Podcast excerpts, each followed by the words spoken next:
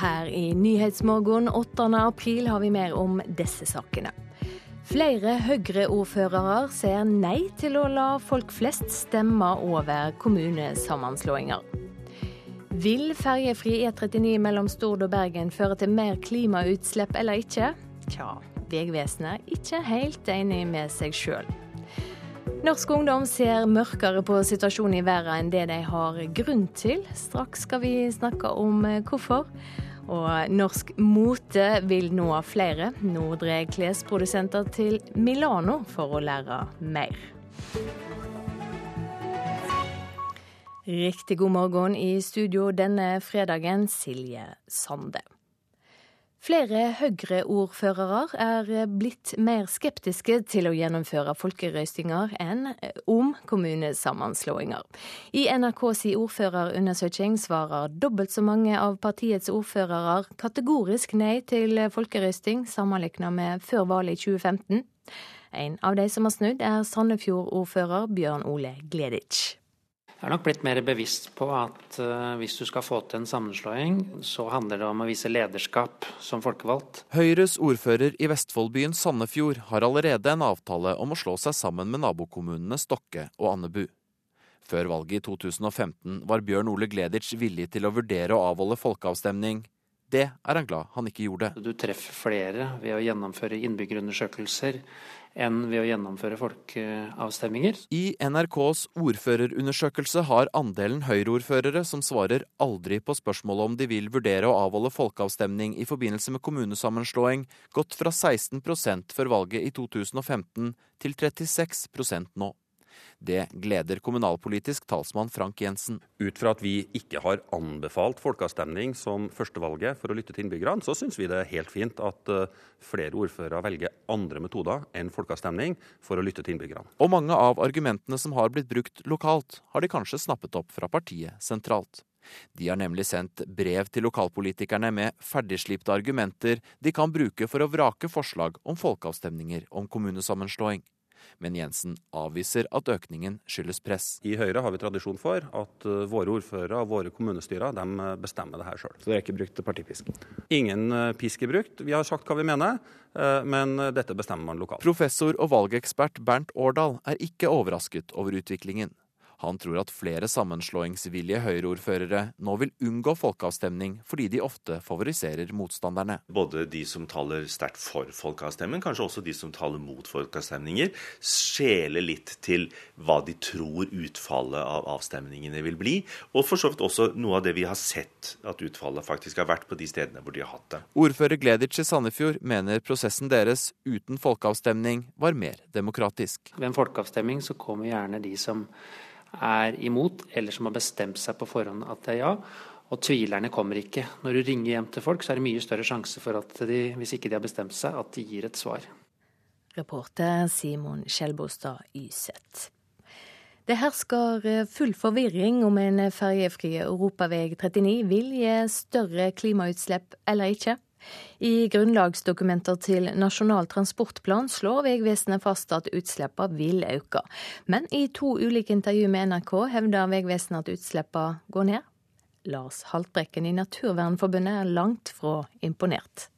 Vi syns det er veldig merkelig, og det begynner å ligne en farse. Og det viser at man sannsynligvis ikke har gjort gode nok undersøkelser. Lars Haltbrekken i Naturvernforbundet stusser kraftig over Vegvesenet sine vurderinger av klimaeffekten av å gjøre E39 mellom Stord og Os ferjefri.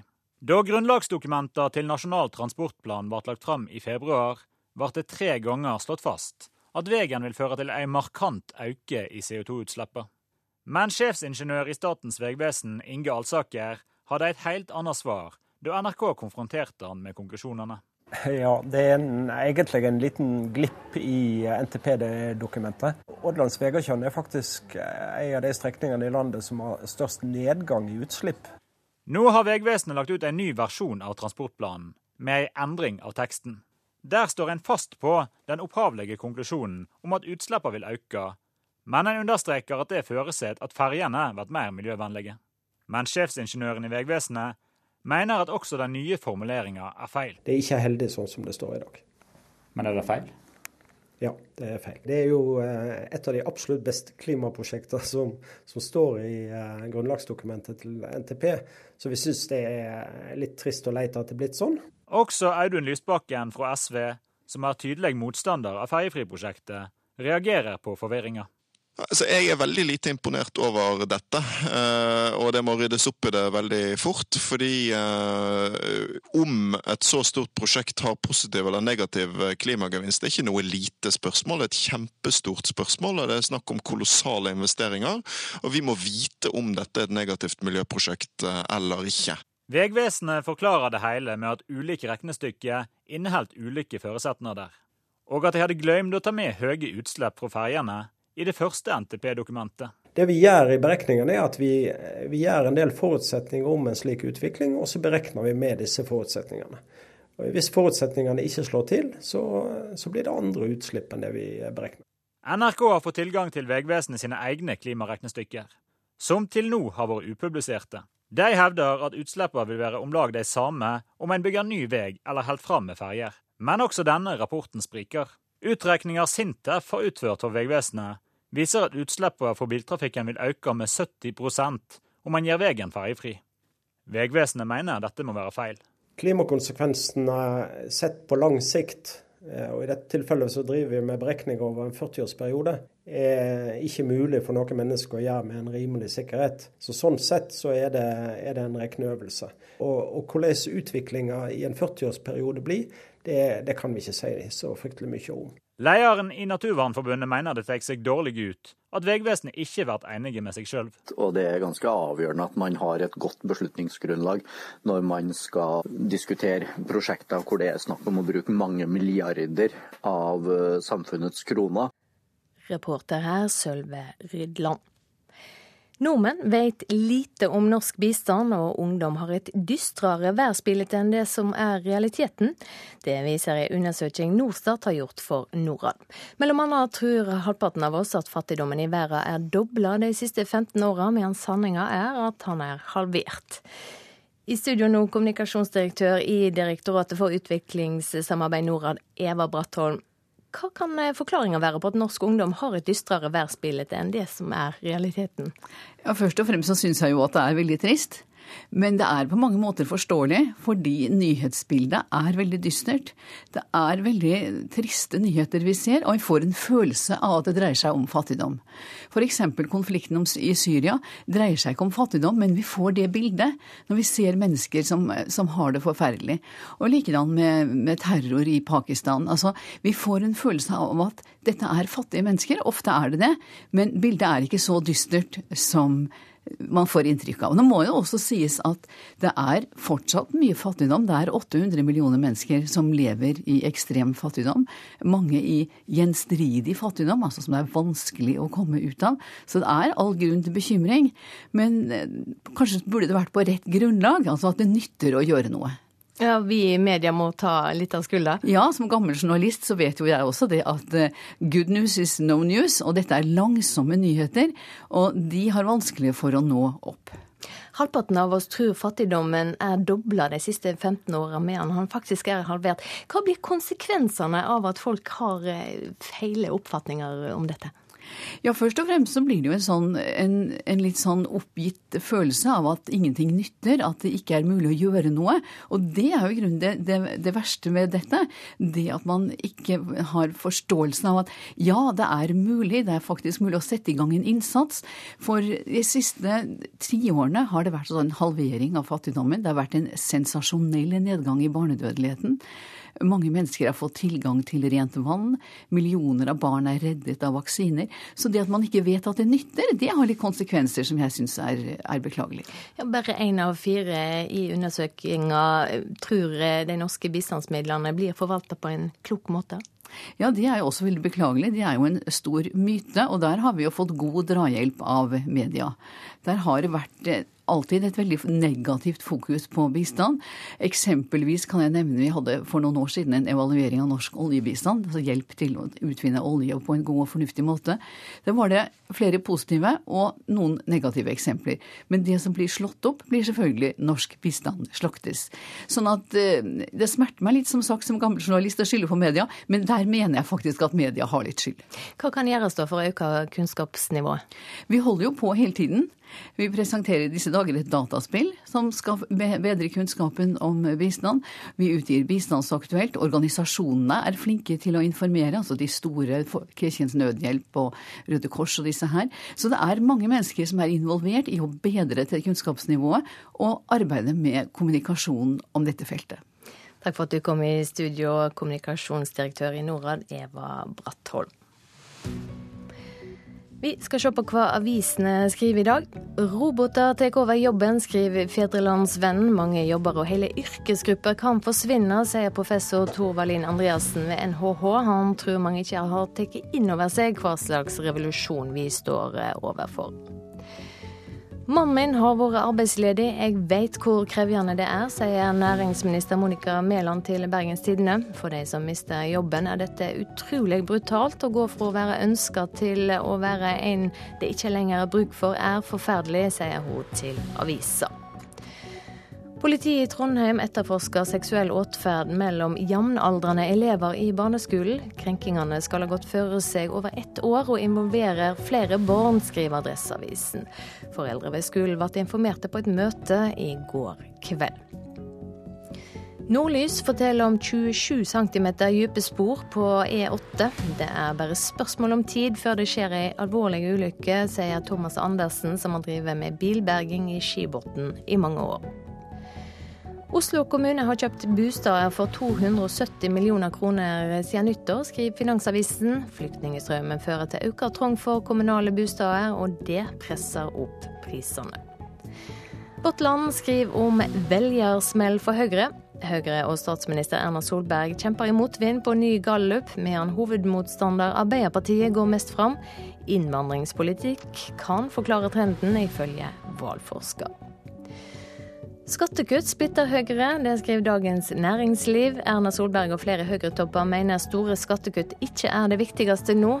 Det provoserer stortingsrepresentanter i partiet.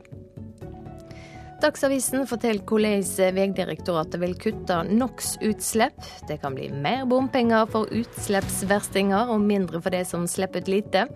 Miljødifferensierte bompenger kan realiseres neste år.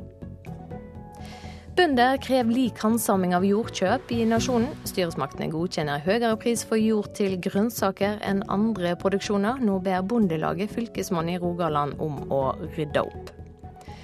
Kjøpe råd fra skatteversting er overskrifta i Klassekampen. Konsulentselskapet PwC hjalp DNB å slippe skatt i Luxembourg. Nå skal samme selskap hjelpe staten med å sikre økonomisk åpenhet. Arbeiderpartiets Martin Kolberg er lei snusk i statlige selskap. Petter Solberg, Aksel Lund Svindal og Tor Hushovd er alle blitt søkkrike på Bank Norwegian etter råd fra superinvestor Arne Fredly, det skriver VG. Den Monaco-baserte moldenseren har sjøl tjent nær 700 millioner kroner i urealiserte og realiserte verdier i samme bank. Så skal vi ha sport. En plass i OL vil være et definitivt karrierehøydepunkt. Det sier veteran på det norske håndballandslaget Erlend Mamelund. I kveld starter Norge OL-kvalifiseringer mot Bahrain i Danmark. Mamelund er ikke i tvil om hva en OL-plass for Norge vil bety. Nei, det hadde vært et karrierehøydepunkt. OL er jo litt hellig for alle idrettsutøvere. Det er den store, store begivenheten som skjer. og Nå har man jo opplevd en del OL fra TV-benken, så det er på tide kanskje å få være med sjøl òg. Mamelund debuterte som landslagsspiller i 2005 og har vært med på flere sluttspill for Norge. En eventuell OL-deltakelse sammen med resten av laget er en stor drøm for han. Veteranen er derfor ikke redd for at Norge tar lett på kveldens motstander. Når det står om OL-kvalik, så skal vi ikke undervurdere. Eh, det betyr så mye for eh, hver en av oss å få eventuelt oppleve et OL. så vi jeg tror alle er fullt skjerpa og eh, vet hva vi går til. Det er et tøft program som håndballgutta skal igjennom, med tre kamper på tre dager. I morgen er Danmark motstander, og på søndag Kroatia. De to beste lagene etter helgens kamper får OL-billett til Rio i august. Espen Lie Hansen vet det blir tøft, men har troen. Den uh, OL-kvalen her, den er, jo, den er, jo, ganske vanskelig. Den, det er jo ikke, den VM-kvalen som kommer, er jo ikke lett, den heller. Men uh, den er vanskelig, den uh, kvalifiseringa her, den, den VM-kvaliken, tror jeg. Men uh, det er absolutt mulig. Vi, men vi må opp på det nivået vi var i, i EM for å klare det. Er du stinn av selvtillit? Ja, jeg tror hele laget er det. Vi fikk to OK matcher mot, mot Island. og vi, vi veit jo nå at vi, vi, kan slå alle. Norges fjerdeplass i EM i januar var det ingen som turte å håpe på på forhånd. Nå kan OL-deltakelse til sommeren bli en realitet, selv om landslagstrener Christian Berge foreløpig ikke tør tenke tanken. Ja, nei, det har vært, Jeg må bare tenke en arbeidsoppgave, så det er jobben min. Jeg tenker nå bare inn, og så får vi samle opp til, til slutt og så se hvor vi, hvor vi kommer hen. Og Håndballkampen mellom Norge og Bahrain kan du høre på DAB-kanalen NRK Sport fra klokka 18 i kveld. Reporter Hilde Liengen.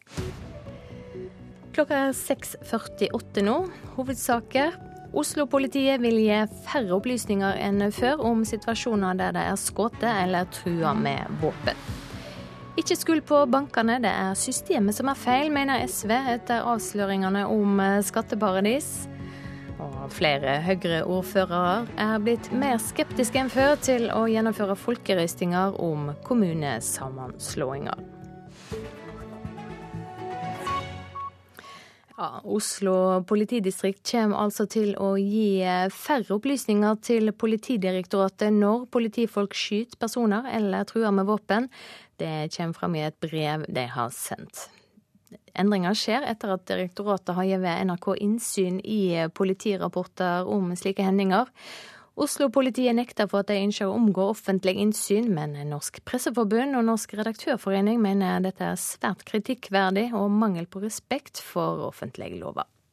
Ja, Det er jo åpenbart at ikke de har noe særlig respekt for offentlighetsloven når de velger en sånn strategi. Dette her er jo ikke bare uvitenhet, dette er jo bevisst omgåelse av de kravene til åpenhet som offentlighetsloven stiller. Og det, det er jo manglende respekt ikke bare for loven, men for samfunnet.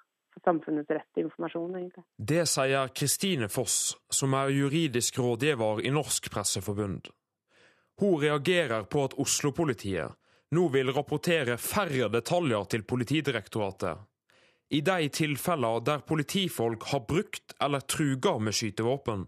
Direktoratet har gitt NRK innsyn i flere slike rapporter, noe Oslo politidistrikt åpenbart ikke har likt. I brevet står det Oslo politidistrikt har observert at det blir gitt innsyn i vår innberetning om bruk eller trussel med skytevåpen, for at vår innberetning ikke på noen måte skal kunne komme i konflikt med eller bli tatt til inntekt for pågående og eventuell etterfølgende etterforskning i slike saker, vil vi heretter rapportere meget generelt på hendelsesforløpet. Jeg er veldig overrasket og, og også skuffet over at uh, Oslo politidistrikt velger denne tilnærmingen. Det sier generalsekretær i Norsk redaktørforening, Arne Jensen.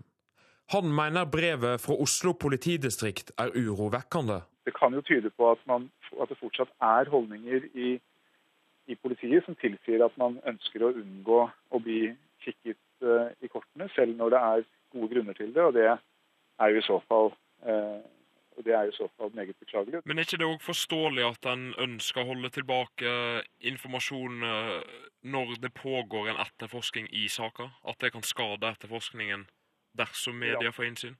Det vil alltid kunne være enkeltopplysninger i denne type rapporter og, og også andre politidokumenter som det kan være legitime grunner Eh, til å, å, å unnta fra offentlighet. Det betyr jo ikke at de ikke skal stå i eh, dokumentene. Rapportene bør jo være så fullstendige og, og grundige som mulig. Eh, og Så får man da ved innsyn, når det blir begjært innsyn i dem, så får man da vurdere om det er opplysninger som man har både lovhjemmel og gode grunner for å holde unna. Det er jo noe annet enn at man endrer rapporteringsrutinene sånn at rapportene blir mindre nøyaktige og mindre detaljerte. Oslo politidistrikt vil ikke stille til intervju, men i en e-post til NRK avviser de at de omgår offentlig innsyn. De mener de har rapportert for omfattende til direktoratet, og at det er det som er grunnen til at de nå endrer rutinene. Du kan lese hele svaret til Oslo-politiet på nrk.no, reporter Simon Solheim. Norske motebedrifter setter seg nå på skolebenken i Milano for å lære hvordan de skal selge mer klær i utlandet. Swims er en av åtte virksomheter som skal være med i utdanningsprogrammet. Vi møtte daglig leder Alexander Eskeland før han drog til Bocconi-universitetet. Det var jo et glemt produkt eh, som var forbundet med gamle herrer med hatt og frakk på mange måter.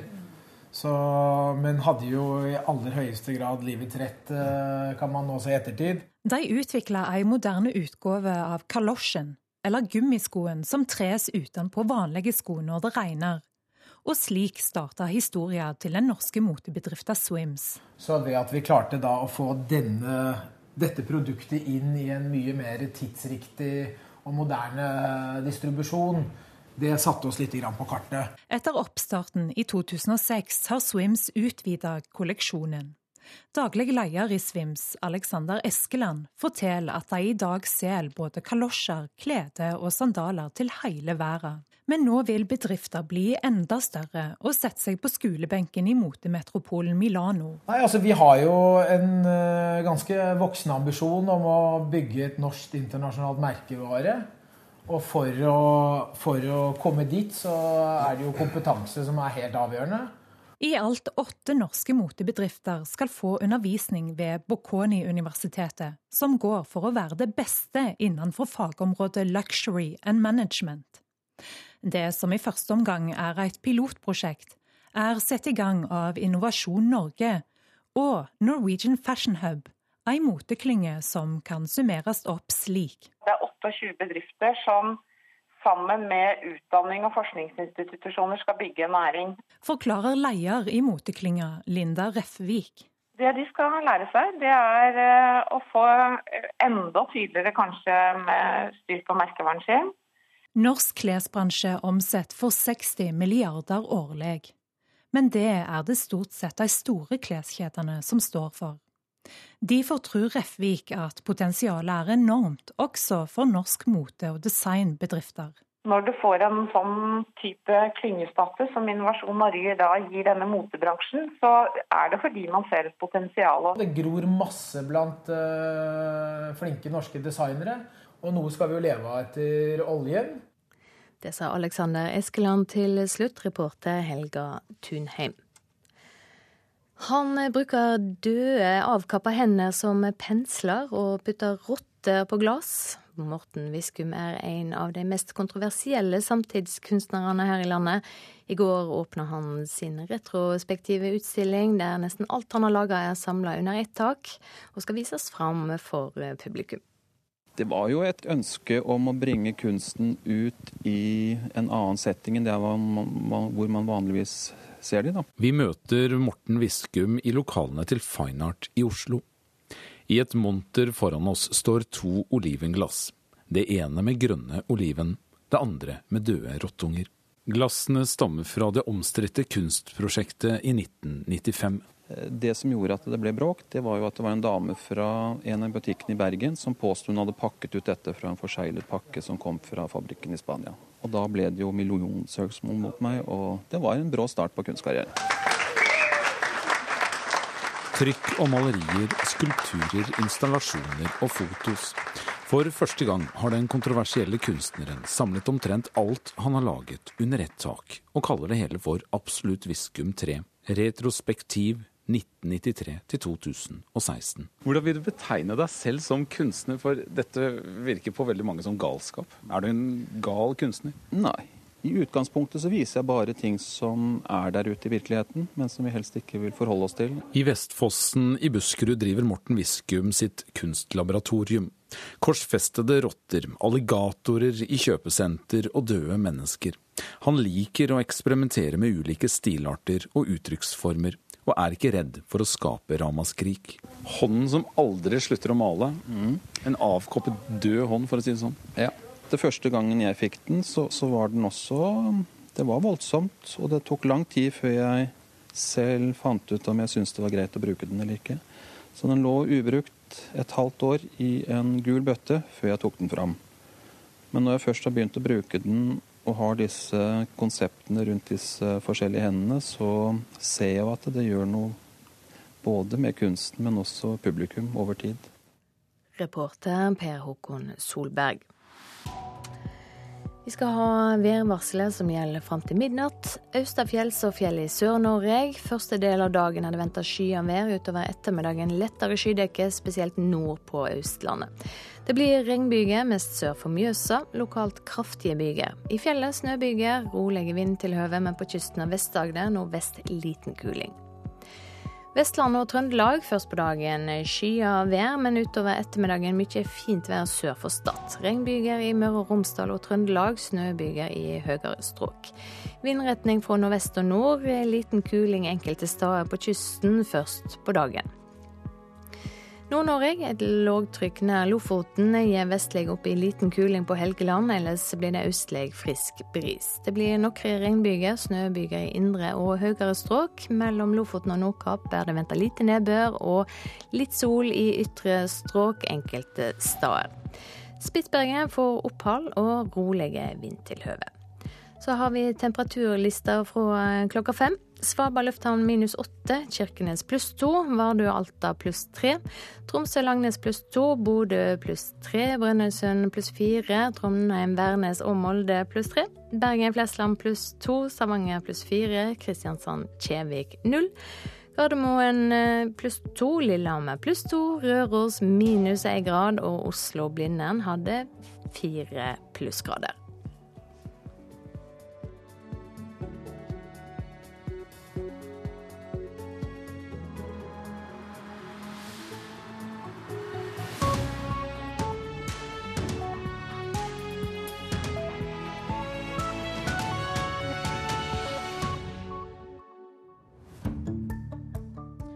Dramaet er en for snever ramme til å kunne inneholde noe annet enn sjeler i konturer, tordnet Knut Hamsun i 1891.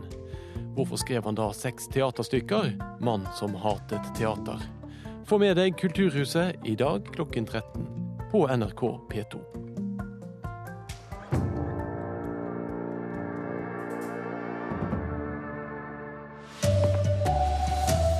Politiet har gitt narkomane bøter for nesten 50 millioner i Oslo og Bergen de siste åra. Delvis ulovlig, mener professor. Høyre-ordførere har blitt mer skeptiske til folkeavstemning om kommunesammenslåing.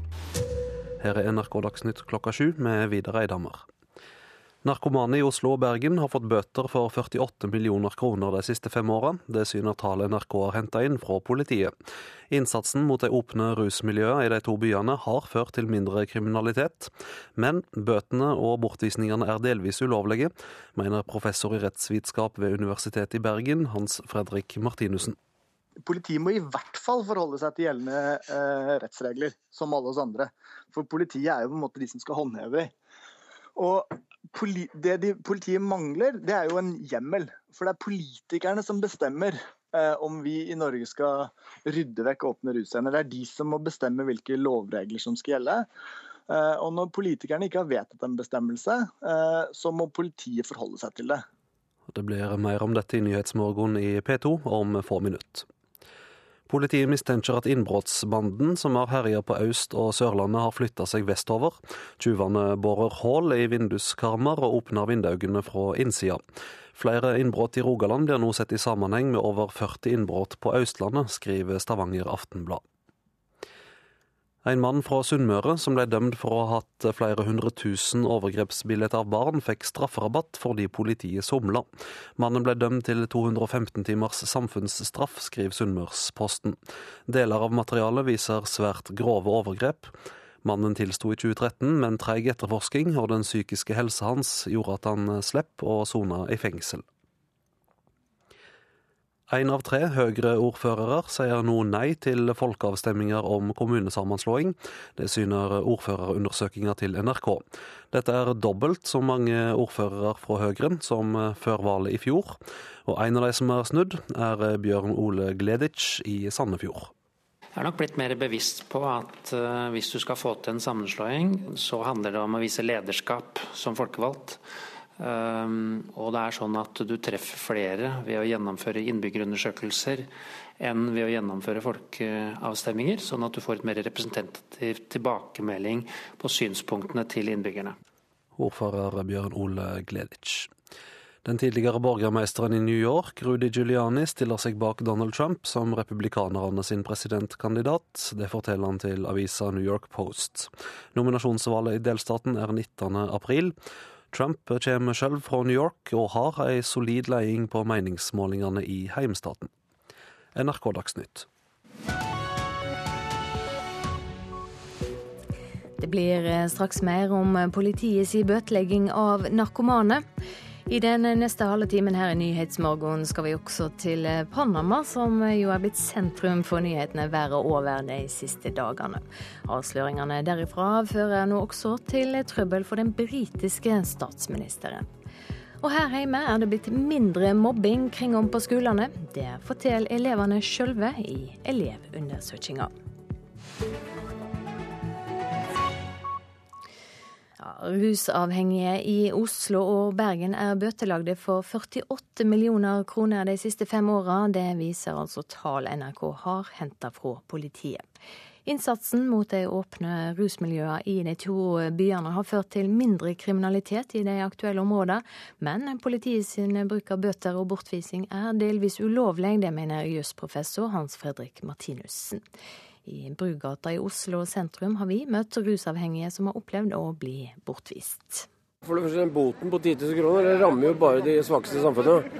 Så det er jo helt eh, borte natta. Eh, den andre, den å bli eh, bortvist, den har jeg erfart selv. Da de, kan du bare gå bort, bort til deg sånn som vi står nå på gata og si du får ikke lov til å komme ut på la oss si 48 timer. Så hvis du skal gå på jobb, så har du problemer. Siden oppløsningen av Plata ved Oslo S i 2011 har over 37 000 rusavhengige blitt bortvist fra sentrum. I tillegg er det i Bergen og Oslo de siste fem årene skrevet ut bøter for 48 millioner kroner for mindre narkotikalovbrudd og brudd på vedtak om bortvisning.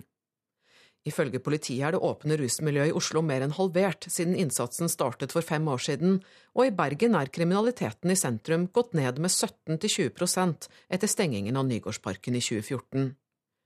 Problemet er bare at politiet ikke har hjemmel til å bortvise folk, sier professor i rettsvitenskap ved Universitetet i Bergen, Hans Fredrik Martinussen.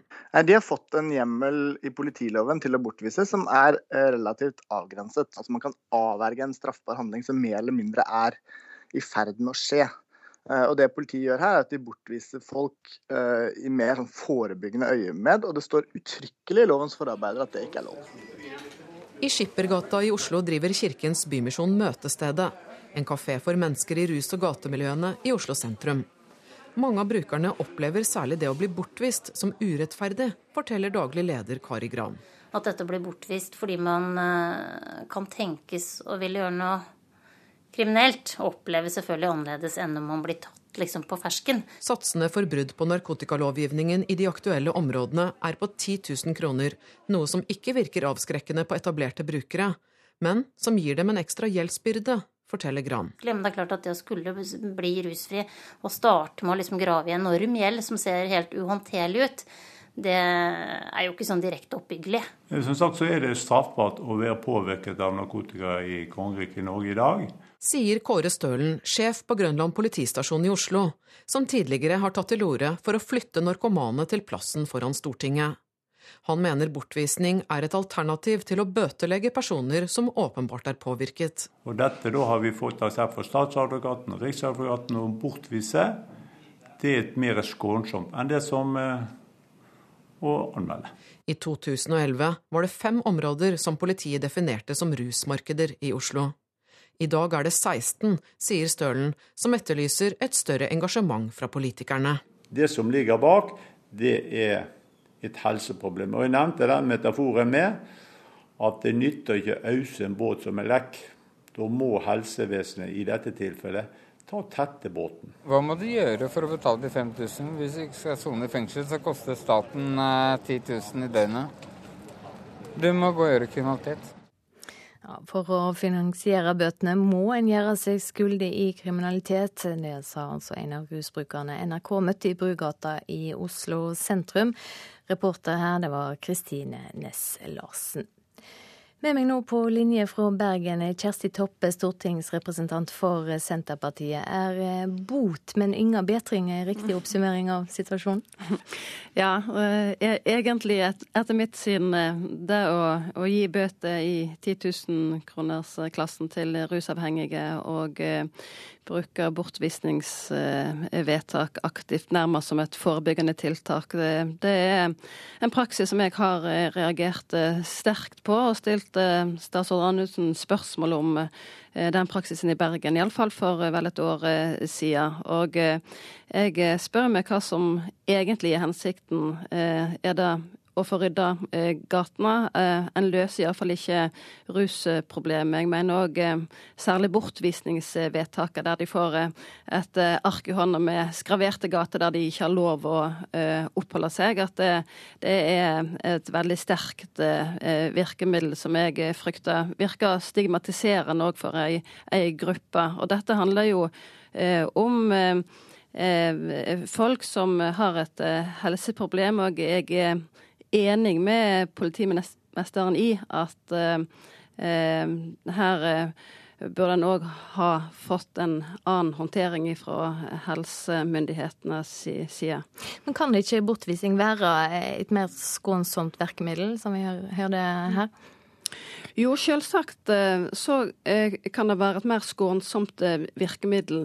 Men jeg tenker at vi må jo ta oss et skritt til side og tenke hva vi egentlig holder på med. Og ja, vi må gjøre tiltak når vi skal forsøke å fjerne de åpne russcener, som egentlig alle er enige om. Men da trenger en en samla innsats både fra kommune, fra spesialisthelsetjeneste og fra politi. Eh, og da blir bortvisningsvedtak bortvisningsvedtaket et veldig enkelt og isolert tiltak som jeg mener på en måte blir eh, feil å bruke i denne settingen. Men, men, politiet sier det eneste alternativet de har til bortvisning, er å skrive ut enda flere bøter. Mm. Ja, eh, det er jo Bøter har jo ingen hensikt eh, å gi eh, til rusavhengige. Vi diskuterer jo ellers om rusavhengige skal måtte betale egenandeler f.eks. i helsevesenet. Og alle forstår jo det å gi, gi bøter ikke, ikke fungerer. Bortvisning, for all del, det kan en gjøre når det er hjemmel for det. Det som er kritikken i denne saka, er jo at praksisen til politiet synes å være at de gir eh, bortvisningsvedtak nærmest som et rent forebyggende tiltak. Og det er jo den delen av praksisen som, eh, som jeg reagerer på, og som jeg eh, mener er uakseptabel. Mm. Det blir etterlyst et større politisk engasjement? Ja, eh, det eh, syns jeg er en betimelig kritikk. Eh, det har vært et stort politisk engasjement lokalt i de to store byene som, som blir nevnt her, det, det vet jeg. Men det er nok ikke et tilstrekkelig engasjement akkurat for denne delen av Eh, rusomsorgen eh, på, på nasjonalt plan. Det er iallfall eh, min erfaring. En har ikke tatt tak i akkurat dette her med hva gjør vi, hva er virkemidlene når vi skal oppløse eller få vekk de store, og åpne russcenene. Hva slags virkemidler er rett å bruke, hva er akseptabelt å bruke, og hvordan får vi til samarbeidet mellom helse og politi og kommune, som jeg tror kanskje svikter Eh, aller mest. Eh, så, så, akkurat der så eh, har politiet rett, og vi skal, har kanskje hatt en tendens til å skyve alt, eller mye av ansvaret over på, på politiet, mens helsevesenet ikke har gjort det som er som burde vært deres eh, ansvar. F.eks. Mm. med lavterskeltiltak, en plass å være og en plass å få, eh, få, få oppfølging, bolig og aktivitet. ikke sant? Kjersti Toppe fra Senterpartiet, takk for at du var med i Nyhetsmorgen.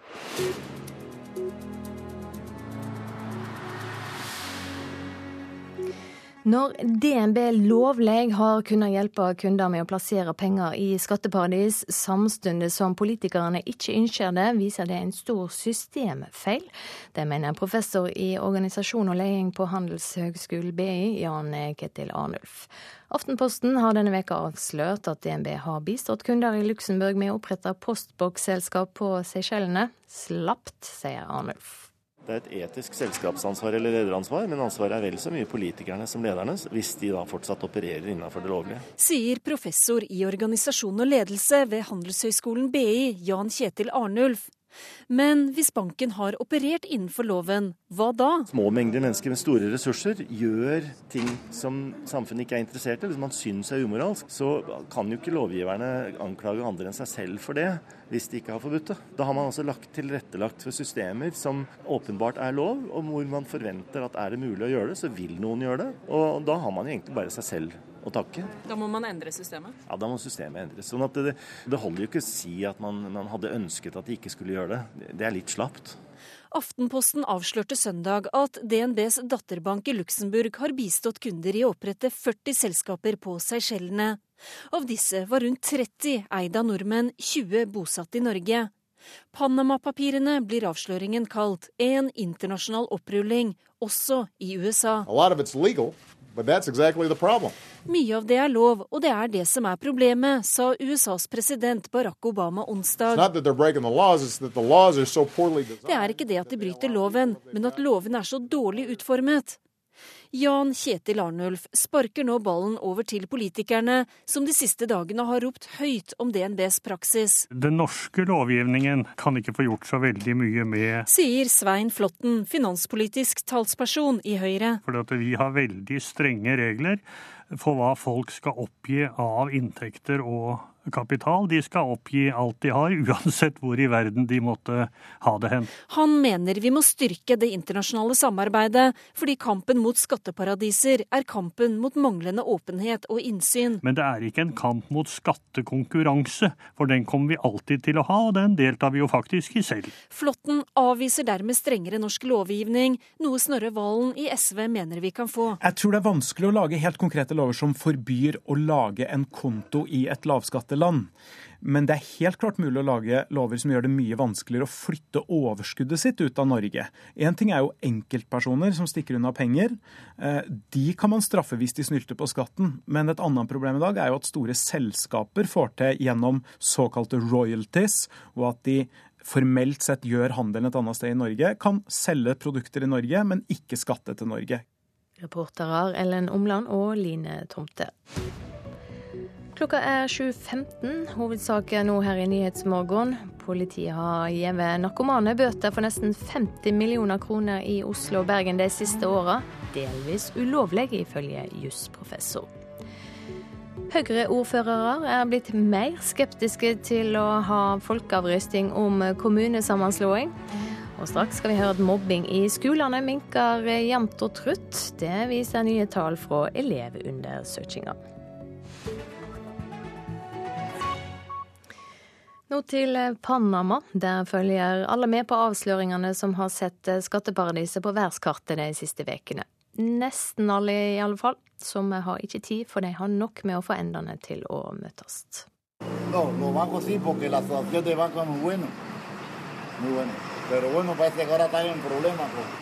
Nei, bankene er ikke bra for oss. De skaper bare problemer og korrupsjon, og dessuten trenger vi en ny regjering, sier Ilhan. Han sitter ved et lite bord i en av de trange gatene i gamlebyen i Panama by. Det vil si i den fattige delen av gamlebyen. På bordet ligger småting han og en kamerat forsøker å selge. Lightere, kortstokker, tyggegummipakker. De tjener ikke stort.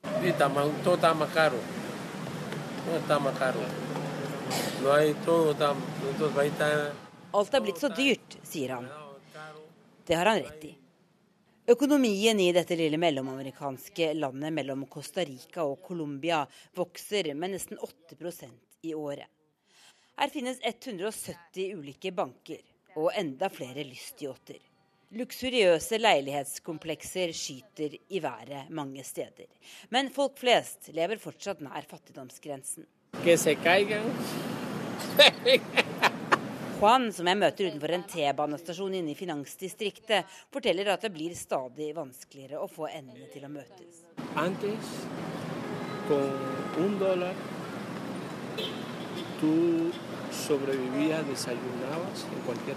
Før kunne du få så mye for en dollar her.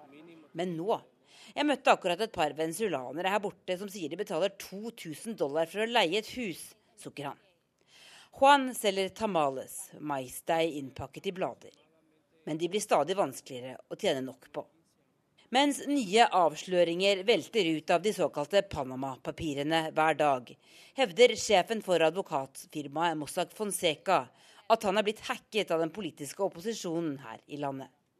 Ramón Fonseca var rådgiver for presidenten i Panama helt fram til januar, da kontorene til advokatfirmaet i Brasil ble raidet i forbindelse med en korrupsjonssak.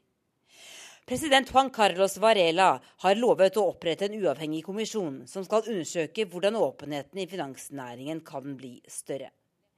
De fleste her i Panama mener imidlertid at det meste vil gå tilbake til det normale så snart stormen har stilnet. Beboere i gamlebyen er Ilhan enig i dette.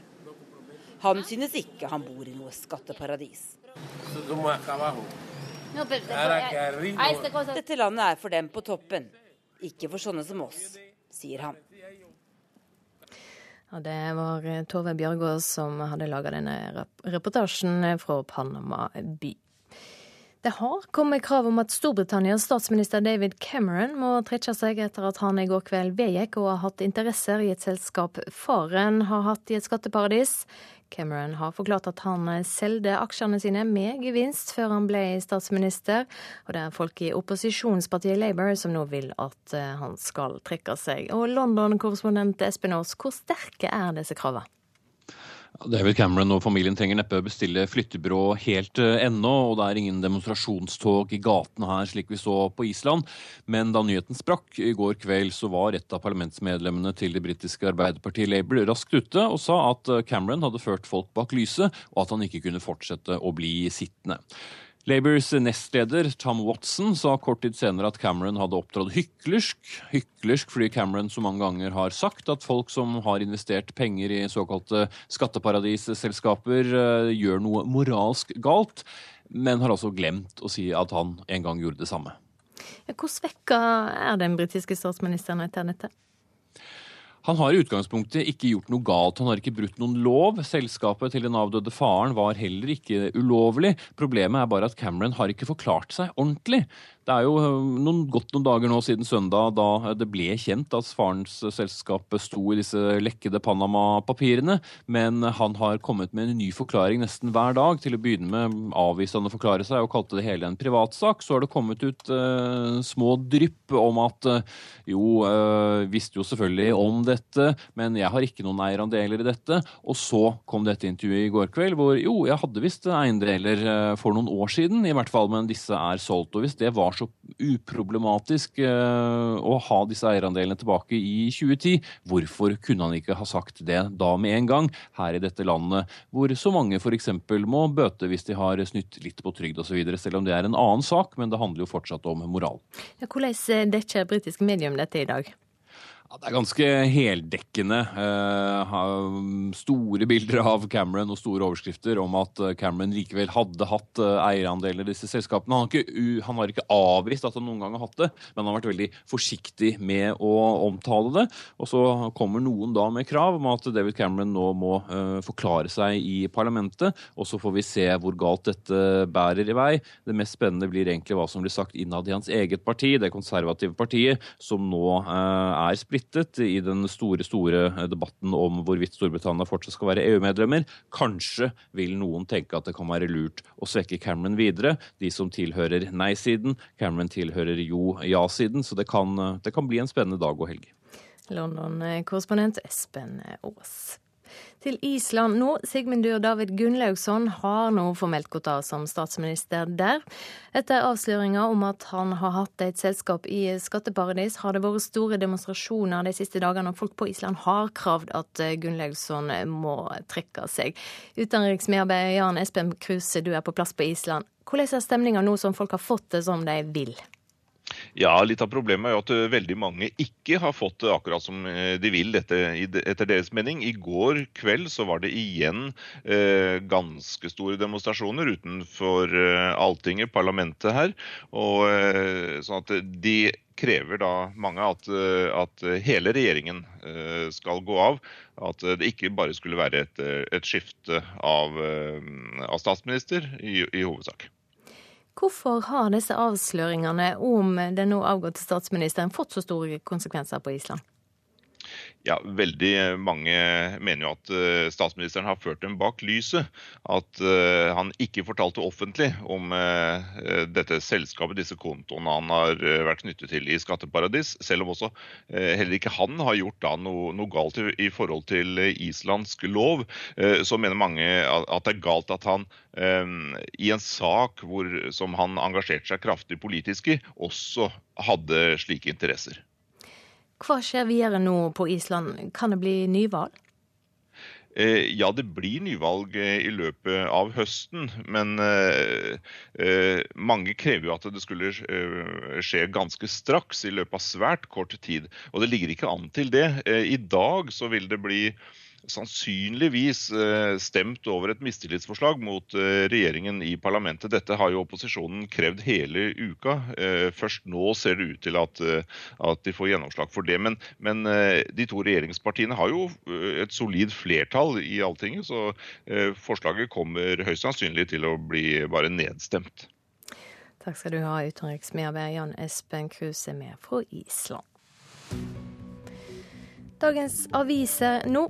Roboter tar over jobben, skriver Fedrelandsvennen. Mange jobber og hele yrkesgrupper kan forsvinne, sier professor Tor Wallin Andreassen ved NHH. Han tror mange ikke har tatt inn over seg hva slags revolusjon vi står overfor. Mannen min har vært arbeidsledig, jeg vet hvor krevende det er, sier næringsminister Monica Mæland til Bergens Tidende.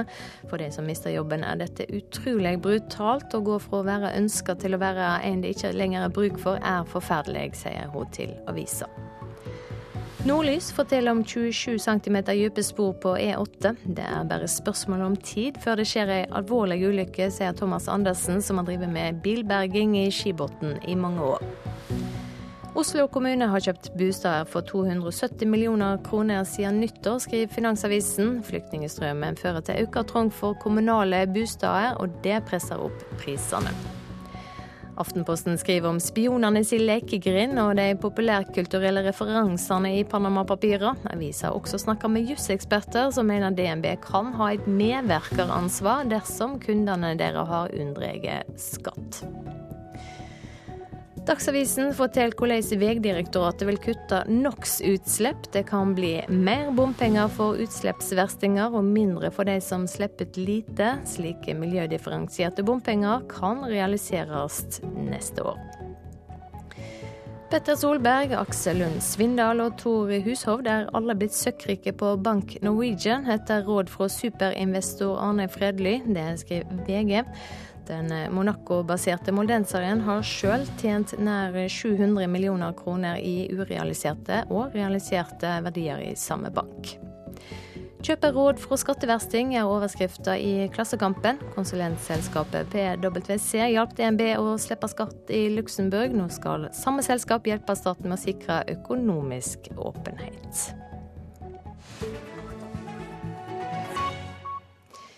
Mobbing i skolene kring om i landet minker jevnt og trutt. Det viser nye tall fra elevundersøkelser som sjuende og tiende trinn, i tillegg til første videregående, svarer på hvert år. Halbrenn barne- og ungdomsskole i Førde har klart å gå fra 4 til 0% mobbing fra 2014 til 2015. Det er friminutt på Halbrenn skole.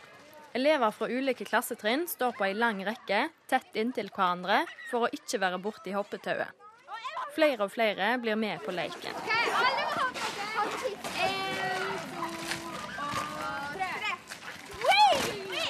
I skolegården på Halbrenn ser en ingen tegn til mobbing. Noe som stemmer godt med de nye tallene fra elevundersøkinga. Alle elevene på 7. og 10. trinn har nemlig svart at de aldri blir mobba. Sjuendeklasseelevene Julie Eide og Oline Bjørvik er to av dem. Vi inkluderer, og så passer vi jo på å se rundt oss at, ingen, at vi ser at det går bra med alle. Tallene på landsbasis viser også en jevn nedgang i mobbinga. I 2010 svarte 7,5% at de hadde blitt mobba to til tre ganger i måneden eller oftere. Fem år etter er tallet halvert og er nede på 3,7 Grunnen til noe av nedgangen kan være endring av metode og spørsmål i undersøkelser fra 2012 til 2013. Men alt tyder på at det er en reell nedgang. Om elevene på Halvbrenn ser tegn til mobbing, vet de hva de skal gjøre. Forteller sjuendeklassing Oline Bjørvik. Hvis det er noen som liksom er utestengt, så spør vi liksom bare om de har lyst til å være med. Og, ja. Klassevenninnene bruker store deler av friminuttene sine på krøllgressbanen. Her har ikke jentene opplevd mobbing, men er beredt om det skjer noe. Vi hadde sagt fra til voksne, og så hadde vi sagt at de ikke må gjøre sånn, for det er ingen som liker å bli mobba. Så hvis de hadde blitt mobba sjøl, så hadde de kanskje følt at ja, at samme.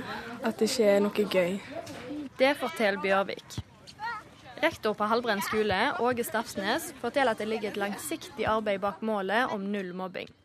Hvis vi ser tilbake ti år, så eh, har vi hatt en jevn økning, eller dvs. Si en reduksjon da, hvert år eh, over såpass langt tidsrom. Skolen passer på at både lærere, foreldre og elever snakker sammen fra dag én. Det står 0% på papiret, men det er lite sannsynlig at alle elevene har det bra. Derfor må skolen fortsette å holde øynene åpne, sier rektor. Selv om det sier er 0% nå, så er ikke det alle som har det like bra på en skole med 380 elever. Så vi vil fortsette hver dag for å jobbe for at alle skal ha det best mulig på Halbrunn skole. Og det tror jeg handler om at vi må være, jobbe videre sånn systematisk som vi gjør. Følge opp i hverdagen, ha dette med oss hver dag. I skolegården, på veggen bak elevene som leker, henger det et stort skilt der det står 'Vi sier nei til mobbing'. Dette som en påminning til elevene. Um, det er veldig mange som er her og spiller brentball. Det er sånn skikkelig mange fra alle stegene på mellomtrinnet. Og da ser vi liksom Og den viser veldig godt, så da ser vi på den og da minner det oss på at vi ikke skal mobbe, da. Før det var liksom mindre som likte seg på skolen, men nå har det blitt veldig bra på skolen. og sånn. Det sa elevene Julie Eide og Oline Bjørvik. Reporter Mai Helen Rolfsnes. I reportasjen etter Dagsnytt skal vi til Bahrain, der det har vært uro den siste veka etter det mange mener er et politidrap på en 17-åring. Høyre åpner sitt landsmøte i ettermiddag. Erna Solberg er gjest i Politisk kvarter.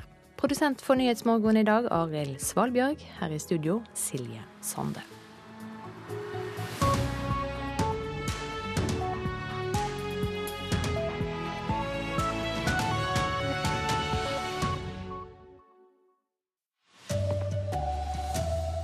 Politiet har skrevet ut bøter for flere titall millioner til narkomane i Oslo og Bergen. Helt bortkasta, sier rusmiljøet sjøl. Seksuelle krenkinger, vold og mobbing ved barneskole i Trondheim, foreldremøte seint i går kveld. Og hvordan skal norske mote slå an i utlandet? Moteskapere drar på kurs til Milano. Her er NRK Dagsnytt ved Vidar Eidhammer klokka 7.30. Narkomane i Oslo og Bergen har fått bøter for 48 millioner kroner de siste fem årene. Det syner tall NRK har henta inn fra politiet. Innsatsen mot de åpne rusmiljøene i de to byene har ført til mindre kriminalitet. Men bøtene og bortvisningene er delvis ulovlige, mener en jusprofessor. I rusmiljøene i Oslo mener folk at tiltakene er helt bortkasta. Det fungerer som null, for det er ikke noe tilbud. Det er eh, bøter, straffer og soning. Den bota den rir man i to og kaster i søpla. Siden stengingen av Plata ved Oslo S i 2011 er det skrevet ut bøter på til sammen 48 millioner kroner for mindre narkotikalovbrudd i de åpne rusmiljøene. Samtidig er 37 000 personer bortvist fra Oslo sentrum, og over 2000 bortvist etter stengingen av Nygårdsparken i Bergen. Det er ikke en forebygging, det er en avverging. sånn at Innbruddstyven må omtrent stå der med brekkeren i hånda, klar til å åpne døra. Eh, før du kan bortvise ham. Det sier professor i rettsvitenskap ved Universitetet i Bergen, Hans Fredrik Martinussen. Han mener politiet mangler lovhjemmel til å bortvise rusbrukere på gata. Det er en politikeroppgave. Det er ikke politiet som skal bestemme hvordan vi skal bekjempe åpne russcener. Og per i dag så har de ikke rettslig grunnlaget til å sprenge de åpne russcenene ved bortvisningsvedtak. Å bortvise er et alternativ til å bøtelegge personer som åpenbart er påvirket, sier sjef på Grønland politistasjon i Oslo, Kåre Stølen. Og dette da har vi fått aksept for statsadvokaten og riksadvokaten å bortvise. Det er mer skånsomt enn det som eh, å anmelde. Men for rusbrukerne oppleves bortvisning som et urettferdig virkemiddel. Den å bli bortvist, den har jeg erfart selv. Da de, kan du bare gå bort, bort til deg sånn som vi står nå på gata og si du får ikke lov til å komme ut på La oss si 48 timer. Så hvis du skal gå på jobb, så har du problemer. Ikke? Reporter Kristine Næss Larsen. I Trondheim er en rekke elever ved en barneskole blitt utsatt for vold og seksuelle krenkinger. Foreldre ved skolen ble orientert om situasjonen seint i går kveld. Rådmann i Trondheim kommune Morten Volden, eh, hva slags krenkinger er det snakk om? Eh, dette er et eh, klassetrinn som har hatt atferdsproblemer over tid. Og det er da utagerende fysisk atferd, voldelige episoder, og også nå da dukka opp seksualisert atferd. Hva tiltak setter i verk for å få bukt med dette? Eh, det vi har gjort nå, er jo først og fremst vi er jo opptatt av barnas beste. Så vi har iverksatt en rekke tiltak for å trygge den situasjonen som er der i dag, sånn at barn og foreldre har noen å snakke med. Eh, og I tillegg så har vi iverksatt en sikringstiltak eh, på skole, i SFO og på skolevei, slik at man opplever at det er trygt å gå på skolen. Det var foreldremøte i går kveld. Hva fikk foreldre beskjed om der? De fikk den eh, informasjonen uh, om at eh, det har, hva som har foregått. vi har ikke hatt mulighet til å gå i detalj, men selvfølgelig i generelle termer at dette er en alvorlig sak, og at dette har foregått over tid. Ja, hvor alvorlig ser det i kommunen på at slikt skjer på en barneskole? Det skal jo ikke skje. Skolen har jo prøvd å sette i verk tiltak over tid. Dette som jeg nevnte, en klasse som har hatt atferdsproblemer i Eh, kanskje to, over to år. Eh, og man trodde jo at de tiltakene som var satt i verk, fungerte. Eh, og så dukka denne saken opp da i, i midten av mars nå. Morten Volden, rådmann, rådmann i Trondheim kommune. Når eh, DNB lovlig har hjulpet kunder å plassere penger i skatteparadis, samtidig som at politikerne ikke ønsker det, syner det en stor systemfeil. Det sier professor i organisasjon og leding ved Handelshøgskolen BI, Jan Ketil Arnulf. Aftenposten har denne veka avslørt at DNB har hjulpet kunder med å opprette postboksselskap på Seychellene. Slapt, sier Arnulf. Det er et etisk selskapsansvar eller lederansvar, men ansvaret er vel så mye politikerne som ledernes, hvis de da fortsatt opererer innenfor det lovlige. Sier professor i organisasjon og ledelse ved Handelshøyskolen BI, Jan Kjetil Arnulf. Hvis det er mulig da, for, eh, for, store statseide bedrifter å operere legalt og samtidig gjøre ting som man ikke vil, og som politikerne selv sier at man hadde ikke ønsket at de skulle gjøre det, så er det noe gærent med systemet. Da må man endre systemet? Ja, da må systemet endres. Og det holder jo ikke å si at man, man hadde ønsket at de ikke skulle gjøre det det er litt slapt. Aftenposten avslørte søndag at DNBs datterbank i Luxembourg har bistått kunder i å opprette 40 selskaper på Seychellene. Av disse var rundt 30 eid av nordmenn, 20 bosatt i Norge.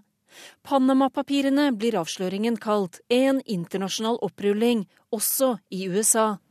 A lot of it's legal, but that's exactly the problem. Mye av det er lov, og det er det som er problemet, sa USAs president Barack Obama onsdag. Det er ikke det at de bryter loven, men at loven er så dårlig utformet. Den norske lovgivningen kan ikke få gjort så veldig mye med Sier Svein Flåtten, finanspolitisk talsperson i Høyre. Fordi at vi har veldig strenge regler for hva folk skal oppgi av inntekter og kapital. Han mener vi må styrke det internasjonale samarbeidet, fordi kampen mot skatteparadiser er kampen mot manglende åpenhet og innsyn. Men det er ikke en kamp mot skattekonkurranse, for den kommer vi alltid til å ha, og den deltar vi jo faktisk i selv. Flåtten avviser dermed strengere norsk lovgivning, noe Snorre Valen i SV mener vi kan få. Det er helt klart mulig å lage lover som gjør det mye vanskeligere å flytte overskuddet sitt ut av Norge. Reporter Ellen Omland og Line Tomter. Én av tre Høyre-ordførere sier nå nei til folkeavstemninger om kommunesammenslåing. Det syner ordførerundersøkelser til NRK. Dette er dobbelt så mange Høyre-ordførere som før valget i fjor. En av de som er snudd, er Bjørn Ole Gleditsch i Sandefjord. Jeg har nok blitt mer bevisst på at uh, hvis du skal få til en sammenslåing, så handler det om å vise lederskap som folkevalgt. Høyres ordfører i Vestfoldbyen Sandefjord har allerede en avtale om å slå seg sammen med nabokommunene Stokke og Andebu. Før valget i 2015 var Bjørn Ole Gleditsch villig til å vurdere å avholde folkeavstemning. Det er han glad han ikke gjorde. Du treffer flere ved å gjennomføre innbyggerundersøkelser enn ved å gjennomføre folkeavstemminger. I NRKs ordførerundersøkelse har andelen Høyre-ordførere som svarer aldri på spørsmålet om de vil vurdere å avholde folkeavstemning i forbindelse med kommunesammenslåing, gått fra 16 før valget i 2015 til 36% nå. Det gleder kommunalpolitisk talsmann Frank Jensen. Ut fra at vi ikke har anbefalt folkeavstemning som førstevalget for å lytte til innbyggerne, så syns vi det er helt fint at eh, flere ordførere velger andre metoder enn folkeavstemning for å lytte til innbyggerne. Professor og valgekspert Bernt Årdal er ikke overrasket over utviklingen. Han tror at flere sammenslåingsvillige Høyre-ordførere nå vil unngå folkeavstemning, fordi de ofte favoriserer motstanderne. Både de som taler sterkt for folkeavstemning, kanskje også de som taler mot folkeavstemninger, skjeler litt til hva de tror utfallet av avstemningene vil bli. Og for så vidt også noe av det vi har sett at utfallet faktisk har vært på de stedene hvor de har hatt det. Reporter Simon Skjelbostad Yseth. Og det blir mer om landsmøtet til Høyre i Politisk kvarter på P2 klokka 7.45. Norske moteskapere setter seg på skolebenken i Milano for å lære hvordan de kan selge mer klær i utlandet. Swims er ei av åtte virksomheter som skal være med i utdanningsprogrammet, og vi møtte daglig leder Alexander Eskeland før han setter seg på flyet. Det var jo et glemt produkt eh, som var forbundet med gamle herrer med hatt og frakk på mange måter. De utvikla ei moderne utgave av kalosjen, eller gummiskoen som tres utenpå vanlige sko når det regner. Og slik starta historia til den norske motebedriften Swims. Daglig leder i Swims, Alexander Eskeland, forteller at de i dag selger både kalosjer, klede og sandaler til hele verden. Men nå vil bedrifter bli enda større og sette seg på skolebenken i motemetropolen Milano. Nei, altså Vi har jo en uh, ganske voksen ambisjon om å bygge et norsk internasjonalt merkevare. I alt åtte norske motebedrifter skal få undervisning ved Bocconi-universitetet, som går for å være det beste innenfor fagområdet luxury and management. Det som i første omgang er et pilotprosjekt, er satt i gang av Innovasjon Norge og Norwegian Fashion Hub, ei moteklynge som kan summeres opp slik. Det er 28 bedrifter som sammen med utdanning og forskningsinstitusjoner skal bygge en næring. Forklarer leder i moteklynga, Linda Reffvik. Det de skal lære seg, det er eh, å få enda tydeligere kanskje med styr på merkevaren sin. De kommer til å bli utfordret på miljø eh, og bærekraftighet. Det koster fryktelig å vokse. Hvordan skal vi håndtere det? Reporter var Helga Tunheim. Ansvarlig for Dagsnytt-sendinga, Elin Pettersen.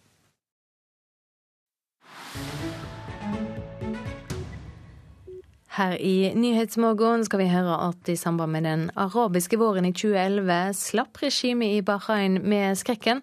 Styrker fra nabolandet Saudi-Arabia slo nemlig ned demokratiopprøret.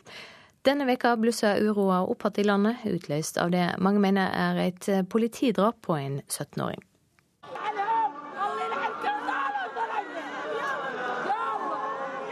En mor gråter og roper ut sin nød. Hun holder en bønnebok foran seg og er omsluttet av en stor gruppe sørgende kvinner, alle kledd i sort. Gud, må du dømme de som står bak denne uretten mot oss. Laila Abdul Nabi er mor til en 17-åring som døde i forbindelse med en arrestasjon. Dødsfallet har utløst en rekke demonstrasjoner i Bahrain. Tusener av innbyggere tror ikke på politiets forklaring om at ungdommen mistet livet da han falt ned fra en bygning under flukt fra politiet.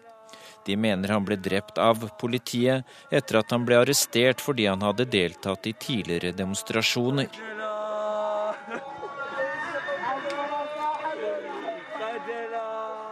En gruppe kamerater av 17-åringen Ali Abdul Ghani trøster hverandre. De gjentar 'de drepte ham, de drepte ham'. Ikke langt unna er en stor gruppe kvinner samlet.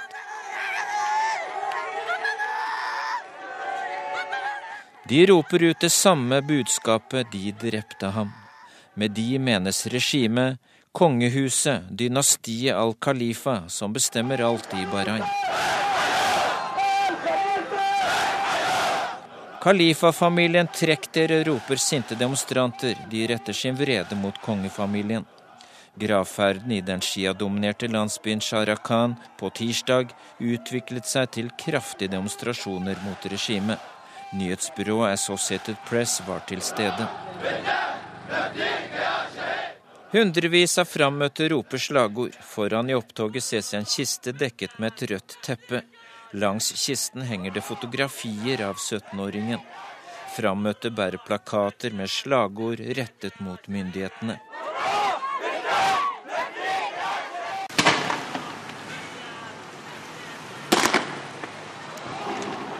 Opprørspolitiet utstyrt med skuddsikre vester, hjelmer og våpen bruker tåregass for å spre menneskemengden.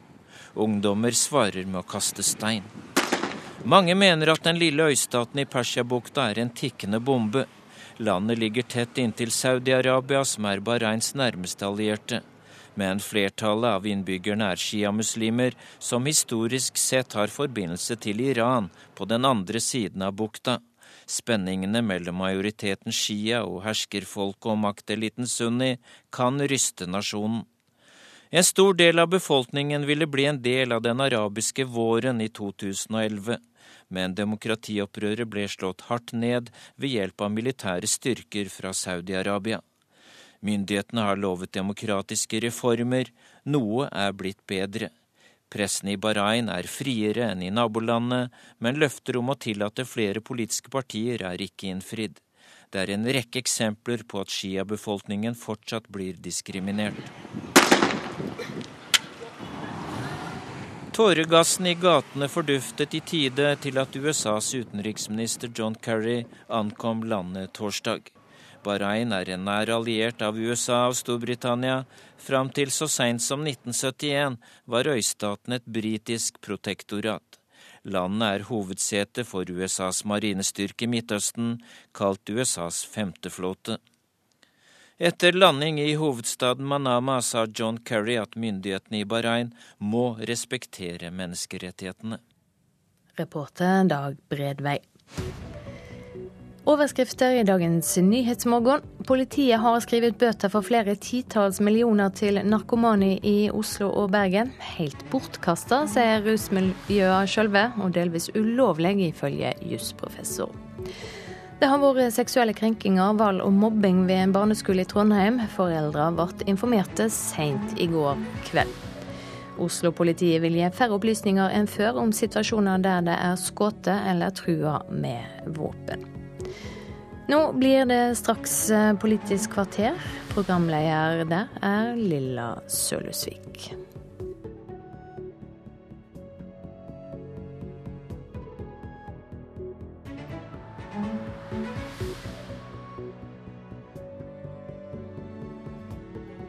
Til Politisk landsmøtekvarter, og velkommen til deg, statsminister Erna Solberg. Tusen takk, Mohan. Vi står her eh, Politisk kvarter i dag i en gigantisk sal med en stor scene og 1200 tomme stoler. Her er det foreløpig veldig, veldig stille. Men eh, om noen timer så skal disse stolene fylles av delegater, gjester og høyrefolk fra hele landet. Og dagens hovedattraksjon det er din tale til landsmøtet. Det går rykter om at den skal være alvorstung. Ja, vi er jo i en situasjon for øyeblikket hvor eh, ja, både den internasjonale situasjonen, eh, det vi ser på både terror, på aggresjon fra Russland i, i Ukraina, men også, også arbeidsledighetssituasjonen her hjemme, gjør jo at, eh, at det er viktig å, å, adressere de viktige og store spørsmålene. Så jeg tror ikke den bare blir alvorstung. Og så har jeg jo ambisjoner også om bl.a. å annonsere hva som skal være, være Høyres nye skoleløfte. Eh, det som skal være vår hovedsatsing etter det store lærerløftet som vi nå gjennomfører. Ja, Hva det blir det? Det kommer når jeg holder tale. Men er det da du også skal fortsette alvoret med å si at eh, nå er det slutt på de store skattelettelsene? Nei, det skal ikke jeg si. Og eh, vi har en debatt om hva som skal være i programmet her fremover. Den debatten hadde vi før forrige programrunde òg. Eh, og eh, også den gangen var det veldig tydelig fra Høyres landsmøte som vedtok programmet da, at ja, vi skal ha skattelettelser. Særlig skal vi fjerne noen av de skattene som bidrar til at vi ikke får riktig fungerende økonomi. At vi skal sørge for at folk får litt lettere hverdag. Men det er ikke sånn at skattelettelsene hadde forrang i politikken. Derfor har det heller ikke vært det i regjeringens politikk. Vi har vært opptatt av innovasjon, nyskapning, samferdselsbygging, det å få ned helsekøene. Akkurat sånn som vi lovet før forrige valg. Men du er enig med Torbjørn Røe Isaksen, som leder komiteen, om at eh, store skattelettelser. Det er ikke det store valgløftet neste år. Jeg er enig i at det ikke har forrang foran andre viktige ting. og det er fordi at Når vi er opptatt av skattelettelser, er det bl.a. fordi det skal fungere inn i en økonomi som skal omstille seg. Og Da er det flere tiltak som er viktige for den omstillingen. F.eks. satsing på skole, på forskning, på innovasjon, på å sørge for gode rammebetingelser på andre områder for næringslivet er viktig, men skattelettelser på noen områder er en del av dette. Det er ikke sånn at jeg tror Høyres landsmøte nå eller neste år når de vedtar programmet, kommer til å avlyse at vi skal gjøre forbedringer i skattesystemet. Ok, eh, nå er det sånn at eh, Disse stolene her er tomme, men de har jo sendt inn fra fjern og nær eh, Høyre-lokallagene resolusjonsforslag. Eh, og det er en stor bunke som ligger foran oss her på bordet, egentlig. Og det veldig mange lokallag er opptatt av, det er Forsvaret. F.eks. så skriver Vestfold Høyre at de ser med alvor på Forsvarets svekkede tilstand. Oslo Høyre mener Forsvaret er underfinansiert gjennom mange år. Og Oppland skriver at Forsvaret nå er inne i en alvorlig situasjon med langvarig underfinansiering. Er du enig i den beskrivelsen? Jeg er enig i at det er en ubalanse i Forsvaret. Over veldig mange år, over mange regjeringer, så har man eh, tynnet robustheten i det norske forsvaret. Og så har man trodd at den internasjonale situasjonen kom til å vedvare med lavere spenning. Det vi har sett er jo at omgivelsene rundt oss endret seg. Vi ba jo derfor også forsvarssjefen om å lage en ærlig vurdering eh, og kom med en anbefaglig anbefaling til oss. Den vurderingen har jo også tatt inn over seg etter er en helt annen utenrikspolitisk situasjon. Eh, vårt naboland har styrket sitt forsvar betydelig. Scenarioene begynner å bli annerledes for hva slags konflikter som kan oppstå, hvordan press kan utøves mot Norge. Og da må vi sørge for at Forsvaret står i forhold til det. Men så er det en utålmodighet i Oppland, Rogaland, Buskerud og en hel rekke fylkeslag. De mener at nå må regjeringen begynne å trappe opp alvorlig, sånn at eh, forsvarsbudsjettet når 2% av BNP. Ja, og Målet er jo, som vi vedtok på Cardiff-møtet, at man skal gå mot 2 til 2024. Eh, og vi har jo en Nato-toppmøte for to år siden. Og Landsmøtet til Høyre vedtok også at vi skulle gå mot det. Og vi har en vekst i, i, i forsvarsbudsjettet for inneværende år på 9,4% Noe av det pga. sysselsettingssituasjonen, og noe pga. de store flykjøpene. Men vi har altså mer tilstedeværelse i nord. Vi har både ubåter og fly som patruljerer mer i nordområdene enn det vi har hatt tidligere. Men Det er for så vidt én ting, men eh, du har jo sagt at 2 %-målet er litt sånn tullete?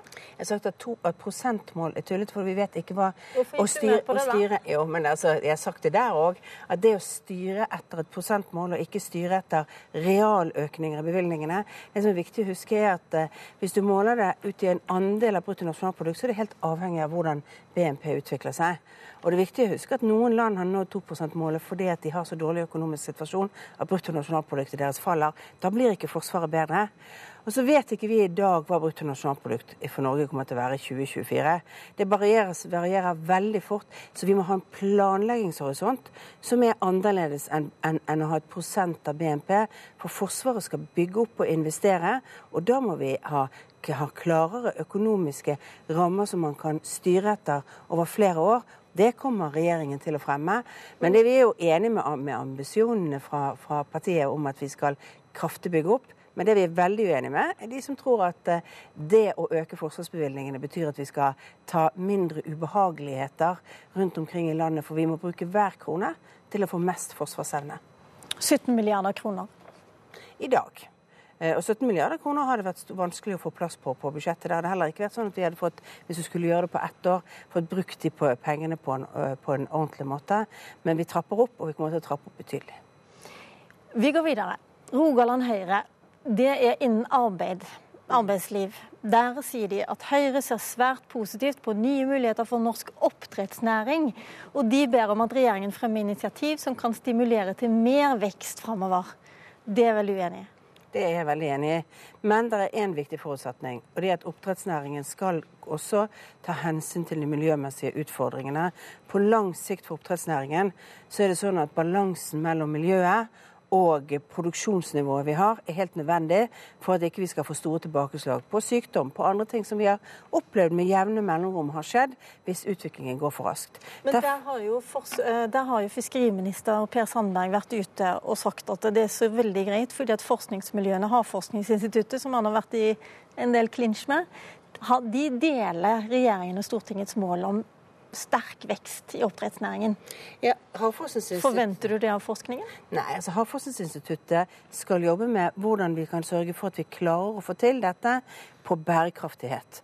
Det betyr at Havforskningsinstituttet sin jobb er å gi oss det faglige grunnlaget for hva vi må gjøre, og hvilke, hvilke eh, sikringsmekanismer vi har for at ikke veksten i oppdrettsnæringen går på bekostning av miljøet. Men, forsvar, eh, men eh, forskere på NTNU, bl.a. i Trondheim, som har sagt at en så sterk vekst er ikke bærekraftig. De føler at de er skjøvet ut i skyggen som mørkets menn av din fiskeriminister. Nei, men det må få lov å være entusiastisk for en av de næringene som nå er vekstnæringer for fremtiden. Det må være lov for en fiskeriminister å fortelle at Norge er faktisk verdensledende på fisk, og at vi har en ambisjon om å levere det. Verden kommer til å trenge proteiner. Et av de mest miljømessige og klimamessige viktigste og beste proteinene vi har, er faktisk fisk. Og da må vi klare å være optimistiske og ha ambisjoner. Samtidig som regjeringens politikk har vært helt tydelig på at veksten må være på miljøkriteriene. Veksten må være møte disse miljømessige rammene for å, for å, å være klar. Og det ligger jo hele det reguleringsregimet som er på plass nå. Eh, Sandberg-saken var et lite uromoment inne i forskningsverden, og rektor ved Universitetet i Oslo er bekymra for det han nå skriver. Eh, han kaller det for regjeringens misbruk av forskning. Han skriver også i sin blogg at det gjorde vondt å høre Sylvi Listhaug på Politisk kvarter i går, da hun mente forskerne hadde trukket feil konklusjon av sin egen forskning. Er du litt bekymra for forskningssynet til enkelte medlemmer av denne regjeringen? Nei, jeg er bekymret for det. fordi at F.eks. når Per Sandberg ble eh, som han selv sier, misforstått, så var han veldig klar og tydelig på at han selvfølgelig ikke mener at han skal styre forskningen. Eh, det er veldig klart og tydelig at eh, forskningen skal være fri og uavhengig. Men det er også klart og tydelig at når regjeringen bevilger mer penger til en del områder innenfor forskningen, så er det fordi vi ber om å få kartlagt hvordan vi skal klare å nå disse, altså på et faglig grunnlag for hvordan vi skal nå de politiske målene våre. Ikke for at de skal være entusiaster, men de skal faktisk fortelle oss også hvilke utfordringer vi har for å nå dem. Men hva syns eh, Forskningspartiet eller Utdanningspartiet Høyre med dets leder om eh, at Sylvi Listhaug mente forskerne tok feil i sin egen forskning i går? Jeg vet ikke om hun har sagt at de tok feil i sin egen forskning, for jeg hørte ikke Politisk kvarter i går. Men eh, jeg mener at vi skal lytte til forskning. Så vet vi også at vi har forskningsresultater som er ulike. På det området her så har proposisjonen tror jeg, gitt en veldig god og balansert fremstilling av dette. Og proposisjonen var litt annerledes enn den kronikken? Ja, og det er jo sånn at en proposisjon på nesten 300 sider får plass til litt mer enn en kronikkytring. Ok, Vi skal videre og tilbake igjen til landsmøtet. For jeg må si at dette med eh, forskning og, og ytring det står ikke i dette resolusjonsbunker som jeg står med her. Men eh, i et halvt år nå så har den politiske debatten handla jo om flyktninger. Og denne uka så la du og Sylvi Listhaug fram reviderte innstrammingsforslag i asylpolitikken. På landsmøtet har dere bare tenkt å snakke om integrering. Hvorfor det? Fordi at integrering er faktisk den viktigste utfordringen. Hvor mange vi kan ta imot i Norge, vil helt holdent være avhengig av eh, hvilken evne vi har til å integrere dem. Hvilken evne vi har til å løfte opp få folk inn i jobb, få det gjennom et utdanningssystem, sørge for at de får de samme mulighetene som eh, nordmenn har. Sørge for at vi på en måte blir positive bidragsytere. Vår ambisjon er jo at folk skal kunne, som kommer hit, skal ha de samme mulighetene. De skal kunne bli skattebetalere, de skal komme inn i, i vår økonomi. Dessverre har ikke vi nådd alle de målene. Norsk eh, integreringspolitikk er ganske bra målt mot andre land, men fortsatt er vi et av de mest kompliserte samfunnene å komme inn i arbeidslivet på, fordi vi har så få ufaglærte jobber. Og på dette området er det en hel rekke med forslag. Bl.a. vil Nord-Trøndelag Høyre at barn i grunnskolen skal skjermes fra bruk av hijab. De vil forby bruk av hijab i grunnskolen. Hva sier du om det? Jeg er uenig i forbud, men samtidig så er jeg helt enig i at barn i grunnskolen ikke burde brukt hijab. For jeg mener, altså jeg klarer ikke å la meg provosere av å se en dame som går med hijab. Jeg klarer ikke å ta alle disse undertrykkelsesmekanismene. Men du må være voksen nok til å ta det valget selv. Og det er der det er en forskjell. Og da tror jeg at eh, vi må ha en annen type dialog med innvandrerforeldre om hva vi mener er riktig. Og, eh, ikke, men, men forbud er veldig langt å gå. Eh, hvis vi skal si at du skal ikke få lov til å gå med det eller det plagget i norsk skole. Likestillingsutvalget i Høyre mener det vil bli bedre for integreringen å kutte ut både barnetrygd og kontantstøtte. Gjøre om på det. Hva syns du? Kontantstøtten først, den vil, du, den vil, du, beholde? Jeg er tilhenger av å beholde kontantstøtten. Jeg, en tredjedel av norske kvinner lever, jobber ikke innenfor normal arbeidsdagen, eller sånn ni til fire-jobber. De jobber mye mer fleksibelt. De trenger å kunne organisere livet sitt annerledes. Jeg syns egentlig kontantstøttedebatten er veldig en sånn eh, etablerte eh, akademikerkvinners debatt mot kvinner som lever i en helt annen situasjon, om å organisere livet sitt eh, på den måten. Og det har jeg sagt for 20 år siden da jeg var kvinnepolitisk leder, og det sier jeg til de kvinnene i dag som mener det. Men så har jo vi sagt til Stortinget at nettopp fordi at det, vi ikke skal ha mekanismer når folk kommer til landet som kan hindre de å være del av integreringen, så har vi sagt at jobb nummer én når du kommer som nyankommet til Norge, det er faktisk å delta på introduksjonsordning, delta. Og da har vi sagt at det er mulig vi skal ha et botid botidskrav inn i f.eks. spørsmålet om kontantstøtte. Fordi at vi da skal sørge for at alle eh, deltar på norskkurs, eh, kommer inn på arbeidstrening og kommer ut i jobb. Et eh, siste forslag. Oslo Høyre vil ha obligatorisk barnehage og obligatorisk sommerskole til fireåringer som ikke snakker godt nok norsk, i en språktest. Eh, er det en god idé?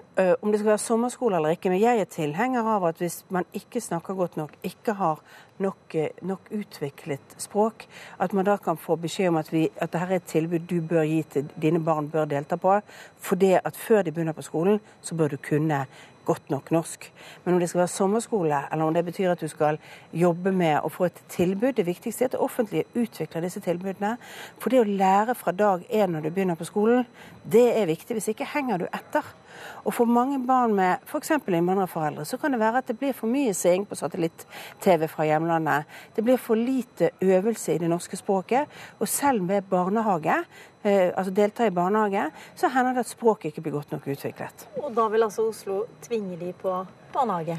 Uh, ja, og derfor vet ikke jeg om du skal tvinge de til barnehage eller tvinge de til det, men at det, at det er et oppfølgingstilbud som man gir til disse foreldrene. Og så har jeg stor tiltro til at foreldre vil det beste for sine barn. Og da tror jeg faktisk at når de får et tilbud, så trenger ikke å tvinge dem til det. Du trenger bare å snakke med hvor viktig det er, og fortelle at dine barn har kjempemuligheter i det norske samfunnet, men utdanning er en forutsetning for å få dette til.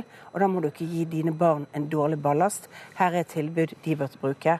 Og erfaringen er jo og det kommer jeg til å si noe med landsmøtetalen min òg. Erfaringen er jo at når du snakker med foreldre f.eks. For om hvor viktig barnehage er, ja, så kommer de. Hjertelig takk. Eh, resten av alle forslagene på Høyres landsmøte de må rett og slett tas på landsmøtet. og Det starter klokken 12, og du skal snakke klokken 12.15. NRK følger selvfølgelig landsmøtetalen og landsmøtet gjennom helga. Til slutt så vil jeg bare få minne om Politisk frikvarter, som en podkast du kan laste ned. Der snakker partitoppenes bakmenn og -kvinner om hvordan politikk lages. Det gjenstår bare å si at programleder i dag var Lilla Sølhusvik.